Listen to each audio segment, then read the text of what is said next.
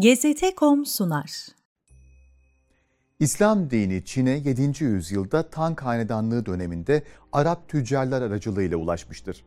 Tarihi kaynaklarda Arap Yarımadası'ndan Asya'ya ticaret için giden birçok Arap tacirin Çin topraklarına yerleşip camiler ve medreseler inşa ederek yerli insanlarla evlilik yapıp İslam dininin Çin topraklarında yayılmasının ilk adımını attığı yazıldır. Bölge Müslümanlarının arasındaki yaygın bilgiye göre Çin toplumunun İslam'la tanışması sahabeden Saad bin Ebi Vakkas'ın ülkelerini ziyaret etmesiyle gerçekleşmiştir. Saad bin Ebi Vakkas'ın mezarının Guangzhou şehrinde olduğu iddia edilmektedir. Benzer şekilde mezarının Gaziantep'in Araban ilçesinde olduğuna dair söylentiler de vardır. Bu söylentileri bir yana bırakarak tarihi kaynaklara göre konuyu ele aldığımızda Çin topraklarının İslam diniyle tanışıklığının Saad bin Ebi Vakkas'la olmasa da sahabeler veya Müslüman tüccarlar aracılığıyla olduğu görüşünün daha yaygın olduğunu görürüz. Müslümanların Çin toplumuyla sağladığı iletişimin dönüm noktası 751 yılında yaşanan Talas Savaşı ile olmuştur. Müslüman Araplar ve o dönemde Müslüman olmayan Türklerin Çin devletine karşı yaptığı ittifak neticesinde savaş Müslümanların zaferiyle sonuçlanmıştır. Bu savaşta birçoğu zanaatkar olan yaklaşık 20 bin Çin asıllı esir alınmış, kağıt yapımı, simya ve tıp bilimleri alanında esirlerden yararlanılmıştır. Savaştan sonra Türkler arasında İslam dini kabul edilmiş ve Türklerin aracılığıyla Çin'in iç bölgelerine kadar yayılma faaliyetleri başlatılmıştır. Ayrıca Orta Asya'dan tebliğ ve davet faaliyetleri yapmak için giden Sufilerin faaliyetleri de İslam'ın yayılmasına katkıda bulunmuştur.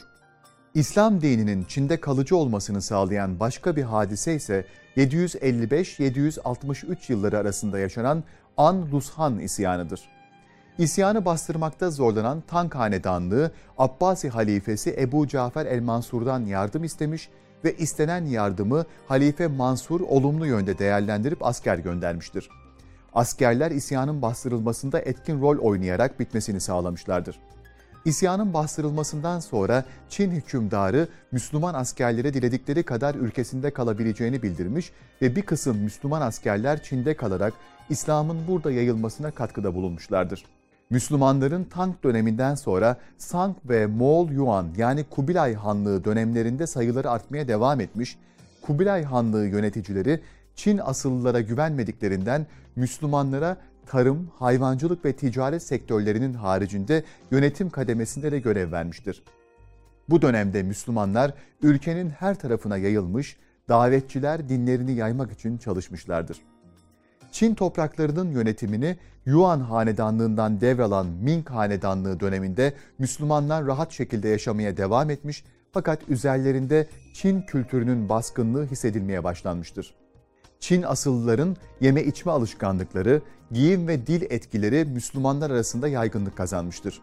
Çin yönetimi ve Müslüman olmayan halkı bu dönemde Müslümanlara misafir, ziyaretçi nazarıyla bakmayıp toplumun bir parçası kabul etmişlerdir. Orta Çağ'da Çin Müslümanlarının sosyal, ekonomik ve dini durumlarına dair bilgilere ulaşmak için meşhur seyyah İbni Batuta'nın seyahatnamesini incelemekte fayda vardır.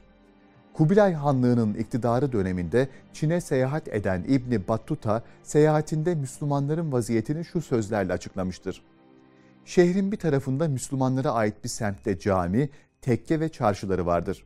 Çin şehirlerinin tümünde Müslümanların işine bakan bir Şeyhülislam bulunuyor. Aralarındaki sorunları halletmek için kadı da mevcut. İbni Batuta'nın gözlemlerinden Çin Müslümanlarının ekonomik durumlarının gayet iyi olduğu, Şeyhül İslam ve kadıların olması toplumun eğitim ve siyaset alanlarında toplumda söz sahibi olduğu, dini ve sosyal hayatta ihtiyaç duyulan taleplerin karşılandığı anlaşılmaktadır. Değindiğimiz olaylar zincirinin neticesinde 14. yüzyıldan itibaren Çin'e özgü Hui olarak isimlendirilen topluluk ortaya çıkmıştır. Bu topluluğun normal Çin toplumundan ayırt edici özelliği Müslüman olmasıdır. İnanç temelinde bugüne kadar Çin'de varlıklarını sürdürmektedirler.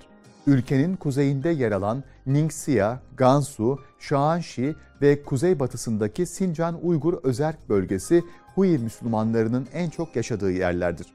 Ancak ülkenin her tarafında Hui Müslümanlarına rastlamak mümkündür.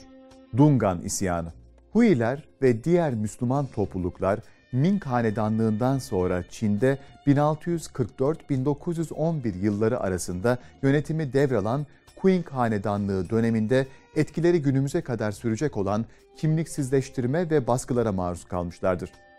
Hac ibadetlerini yerine getirmeleri ve birçok dini faaliyetleri yasaklanmıştır. Kendi topluluklarından evlenmeleri yasaklanıp Han topluluğuyla evlilikler yapılması yönünde uygulamalar başlatılmıştır. Dini ve etnik ayrımcılığa dayanan baskıların artarak devam etmesi Müslümanları isyan etmeye sevk etmiştir. Tarihi kayıtlara Dungan isyanı olarak geçen ayaklanma, Müslüman topluluklara karşı dinsel ve ırksal ayrımcılık politikaları uygulanmasına bir tepki olarak başlamış ve üç kesimde gerçekleşmiştir.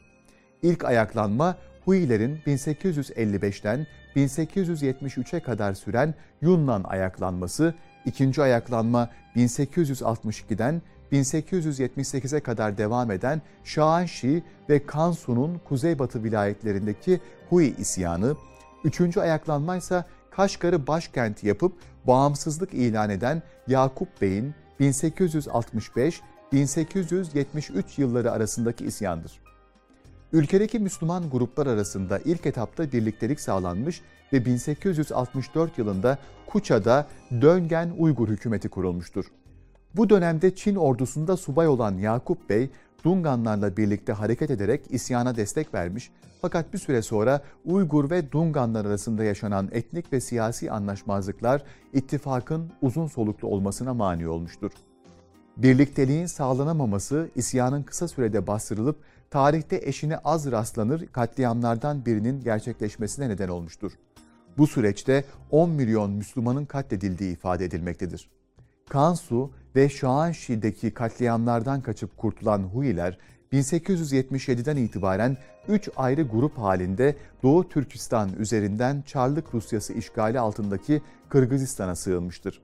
Huilerin eski ticaret rotasını izleyerek sınırı geçen Yusuf Hazret liderliğindeki ilk mülteci kafilesi Ekim 1877 tarihinde Bedel geçidini aşarak Karakol vilayetine sığınmış, Irdık adlı yerde iskan edilmiştir. İkinci kafile 1877 yılının Aralık ayında Bayenhu liderliğinde Tokmok şehri yakınlarına sığınıp orada iskan edilmiştir. Üçüncü kafile 1878 yılının başında Oş bölgesine sığınarak iskan edilmiştir. Rusya, Çin asıllı mültecilerin tarımsal faaliyetlerde mahir olmalarını fırsata çevirip arazi tahsis ederek tarımsal faaliyetleri arttırmış, kalıcı olmalarını sağlamıştır. Rus seyyah Vasilyev, Dungan köylerini ziyaret etmiş ve notlarında şöyle bahsetmiştir. Dunganlar çok yetenekli ve çalışkan bir halktır. Ekmeklerini kendi hünerleriyle kazanırlar. Tarım, bahçe, çanak çömlek yapımı ve marangozluk işlerinde hünerlidirler. Bölgenin gelişmesinde büyük katkıları var. Kısa sürede kendi tarla ve bahçelerinde hasat almaya başladılar ve yeni bölgeye çok iyi adapte oldular. 1907 yılında köylüler okul yapımı için para toplamaya başladı.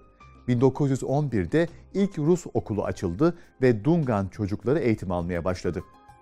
1916 Kırgız isyanı ve Dunganlar Çarlık Rusyası 16. yüzyıldan itibaren topraklarını ve nüfuzunu Orta Asya bölgesinde genişletmek için hamleler yapmaya başlamış 1552 yılında Kazan Hanlığı'nın işgaliyle başlayan sürecin devamında 1582 yılında Sibirya ve Türkistan işgal edilmiştir.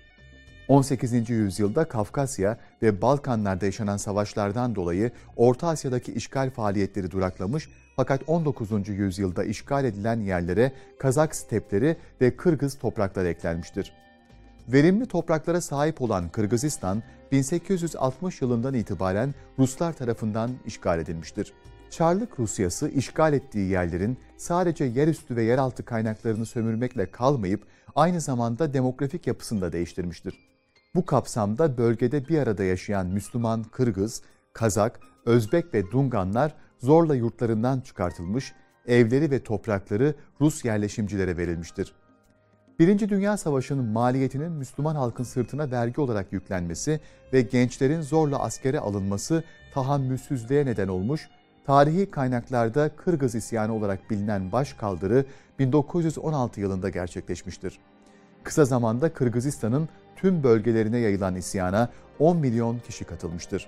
İsyan döneminde Issık Gölü civarında yaşayan Dunganların dini birliktelik ve göç esnasında Kırgız toplumundan gördükleri yardımlara kayıtsız kalmayıp isyanda Kırgızlarla birlikte hareket edeceğini düşünen Rusya yönetimi toplu tutuklamalar ve infazlar yapmıştır. Bu uygulamalar Dungan ve diğer Müslüman toplumların gözünü korkutmamıştır. 11 Ağustos 1916 tarihinde Merins bölgesinde isyan başlatılmış, 23 Ağustos'ta Karakol şehri kuşatılmıştır. Yeterli düzeyde askeri teçhizat olmadığı için isyan başarılı olmamış ve kısa sürede bastırılmıştır. İsyandan sonra keyfi tutuklamalar ve infazlar gerçekleştirilmiştir. Öldürülen her Müslüman için Rus askerlere kahramanlık belgesi ve ödül verilmiştir. Ürkün yani ürkmek, korkmak ismiyle tarihi kayıtlara geçen hadiseden dolayı baskı ve katliamlara dayanamayan 300 bin Müslüman, Kazak, Özbek, Kırgız ve Dungan Çin'e göç etmiştir. Dunganlar 40 yıl sonra ata topraklarına geri dönmüş fakat ikinci göç ilk göç gibi olmamış, binlerce kişi yolda açlık ve zorlu kış şartlarından dolayı vefat etmiştir. Sincan bölgesine ulaşan mültecilerin dramı sona ermemiş, barınma ve beslenme şartları yetersiz kaldığı için bulaşıcı hastalıklar ortaya çıkmış ve hastalıklardan dolayı binlerce insan ölmüştür. Bu duruma ek olarak mültecilerin ellerinde kalan mal ve hayvanlarına Çinli yöneticiler ve askerler el koymuş, mülteciler Kırgızistan'a geri gönderilmek istenmiştir. Bu olaylardan sonra bir kısım mülteci Kırgızistan'a geri dönmüş, geri dönüş sürecinde birçok insan yollarda yaşamını yitirmiş, topraklarına ulaşanlarsa Rus yönetimi ve yerleşimcilerin baskılarına maruz kalmış ve zor günler geçirmiştir. 1917 yılında Çarlık Rusyası'nın sonunu getiren devrimle birlikte yeni yönetim ülkenin kalkınması için tarımsal faaliyetlere önem vermiştir. İsyandan sonra Kırgızistan topraklarında yaşayan halk tarım faaliyetlerini yapmak için yetersiz kalmış, yönetim bu soruna Sincan'da kalan mültecileri geri getirerek çözüm bulmak istemiştir. 1920 yılında topraklarının iade edilmesi şartıyla 48 bin göçmen karakol bölgesine geri dönmüştür. Sovyetler döneminde Dunganlar 1920 yılında Kırgızistan'a geri dönen Dunganlar kısa sürede yaşam koşullarını düzelterek eski günlerine geri dönmüşlerdir. 1928 yılında Latin alfabesini kullanmaya başlamış fakat sonradan Sovyet Rusya'nın politikalarından dolayı Kril alfabesi kullanılmıştır. Yusuf Yansashin isimli Dungan aydını eğitim birinde kullanılmak üzere Rusça Dunganca sözlük, çocuklar için temel eğitim kitapları hazırlamıştır. 1917 yılında gerçekleşen Bolşevik devrimin liderleri ilk dönemlerde Rus milliyetçiliğini rafa kaldırıp enternasyonalizm merkezli yönetim vaadinde bulunmuşlardır. Lenin'in ölümünden sonra 1924 yılında Sovyet Sosyalist Cumhuriyetler Birliği'nin başına Joseph Stalin geçmiştir. Ülkenin yönetimi Lenin'in milletlerin kendi kaderini tayin etme hakkı düşüncesi ve Marksist ideoloji çerçevesinde hedeflenerek inşa edilmeye başlanmış ancak devlet ideolojisi Stalin döneminde Sovyet vatanseverliği adı altında Rus milliyetçiliğine evrilmiş, Sovyetler Birliği çatısı altında yaşayan tüm halklara tarihe represiya hareketi adıyla geçen bir çeşit baskı, sindirme ve yok etme politikası uygulanmıştır. Sovyet Rusya vatandaşı olan milyonlarca Müslüman gibi Dunganlar da ülkenin istikbali için hizmet etmiş, İkinci Dünya Savaşı'nda Kırgız, Tatar, Özbek ve Kazak Müslüman topluluklarıyla beraber askere alınıp savaşlarda ön cephelerde ortak vatan savunması adına mücadele etmişlerdir. Fakat bu hizmetlere rağmen Dunganların toprakları tarımı kolektifleştirme projesi kapsamında kamu zimmetine geçirilmiş, baskı ve kimliksizleştirmeye maruz kalmışlardır. Örneğin Komünist Parti adına aktif olarak çalışan yüzlerce Dungan genci gerekçe olmaksızın öldürülmüş veya tutuklanmıştır. Çeşitli dönemlerde Stalin'in Sovyet insanı projesinin kurbanı olup akıbetleri hakkında hala bilgi alınamayan birçok Dungan vardır. Dunganlar Sovyet yönetimi döneminde Orta Asya'da dini yaşama getirilen kısıtlamalara direnç göstermişler ve en zor dönemlerde bile ibadethaneleri açık kalmıştır. Günümüzde Kırgızistan, Kazakistan ve Özbekistan'da yaşayıp Dungan olarak bilinen Çin kökenli Müslümanlar Mançu yönetiminin gerçekleştirdiği katliamlardan kaçıp Çarlık Rusyası'na sığınan Hui Müslümanlarının neslinden gelenlerdir. Dungan kelimesinin Çince karşılığı hui olup dönen anlamına geldiği için Orta Asya'da Çin toprakları dışında yaşayan bütün Çin kökenli Müslümanlar Dungan, Döngen olarak isimlendirilmektedir. Dunganlarsa kendilerini babaları Arap, anneleri Çin kökenli Müslümanlar olarak tanıtmaktadırlar. Orta Asya'da ileri derecede tarım bilgisi ve tekniğine sahip olmakla bilinmektedirler. Yetiştirdikleri başlıca tarım ürünleri pirinç ve sebzedir. Orta Asya'nın tarım ülkesi olarak bilinen Kırgızistan'da tarımın gelişmesinde önemli derecede payları vardır ve Kırgızistan dışında Kazakistan ve Özbekistan'ın gelişmesine önemli katkıları olmuştur. Kırgızistan'da yaklaşık 60 bin nüfuzları olup Kırgız, Özbek ve Ruslardan sonra dördüncü sırada yer alırlar. Kazakistan'da 40 bin ve Özbekistan'da Fergana Vadisi'nde 3 bin Dungan yaşamaktadır. Çoğunlukla Kırgızistan'ın Karakol şehrinde yaşamaktadırlar fakat sanayileşme ve gelişen şehir yaşamına bağlı olarak zamanla Dunganlardan ticaret ve eğitim erbabı olanlardan bir kısmı başkent Bişkek'e göç etmiştir. Dunganlar Sünni Müslüman olup Hanefi mezhebine bağlıdırlar. Çince konuşurlar fakat zamanla lehçeleri din ve coğrafyanın etkisiyle günümüz Çincesinden farklılaşmıştır. Çin kültürünün yaşam biçimlerinde baskın olduğunun örneği evleri ve mabetleridir. Somut örneği Hacı İbrahim Camii çivi kullanılmadan 1910 yılında Karakol şehrinde inşa edilmiş ve süslemesinde Çin mitolojisinde karşılaşılan aslan ve ejderha figürleri bulunmaktadır. Dungan mutfağı tüm Orta Asya'da lezzetli yemekleriyle bilinmektedir. Göçe bağlı olarak ortaya çıkan Dungan toplumu etnik bağlamda Çin kökenli olmakla birlikte kimliklerinin oluşumunda yeni yerleşim yerleri ve komşularının etkisi vardır. Bu bağlamda Dunganları Çin Müslümanları ile akraba topluluklar kategorisinde farklı bir millet olarak değerlendirmek daha faydalı olur. İslam coğrafyasını daha yakından tanımamıza yardımcı olacak bu serüveni bizimle birlikte takip etmek için kanalımıza dahil olmayı, video dosyalarımıza beğeni ve yorumlarınızla katkı sağlamayı unutmayın.